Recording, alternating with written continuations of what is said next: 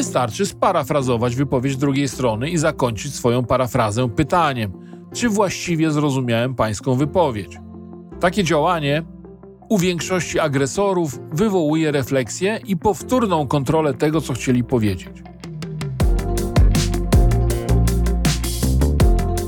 W ankietach, które przeprowadzam wśród uczestników moich szkoleń, często pojawia się obawa przed agresywnym, nieuprzejmym atakiem werbalnym drugiej strony.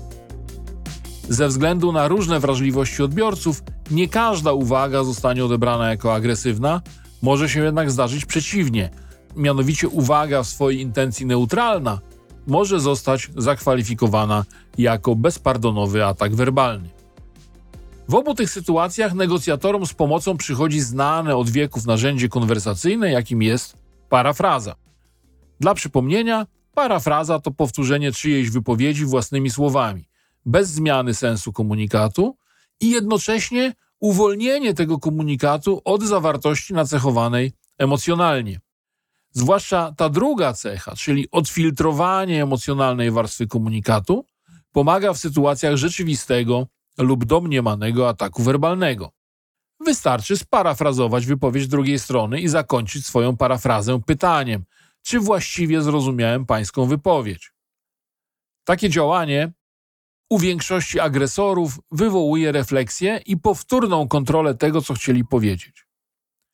Jeśli komunikat miał w istocie zbić adresata z pantałyku, parafraza sprawdzi rzeczywiste intencje, pozbawiając napastliwy komunikat jego negatywnego zabarwienia. Pozostaną tylko fakty, a z nimi, jak wiadomo, trudno dyskutować. Reakcja parafrazująca jest pomocna także, gdy trudno jest rozpoznać intencje. W obu przypadkach zmusza nadawcę komunikatu do ponownego przemyślenia swojej wypowiedzi i ponownego jej sformułowania.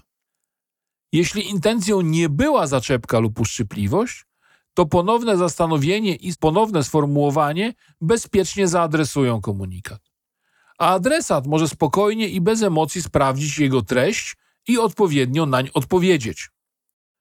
Sprawnie operującym parafrazą negocjatorom Parafraza oferuje także inną możliwość, a mianowicie wybieranie z komunikatu tej treści, która jest dla odpowiadającego wygodniejsza. Na uwagę, dlaczego wasze ceny są tak absurdalnie wysokie? Parafraza może odnosić się do konkurencji. Rozumiem, że wydaje ci się, że jesteśmy drożsi od konkurencji. Może się także odnosić do jakości. Rozumiem, że chcesz wiedzieć, jakie przewagi ma nasz produkt może się także odnosić do serwisu.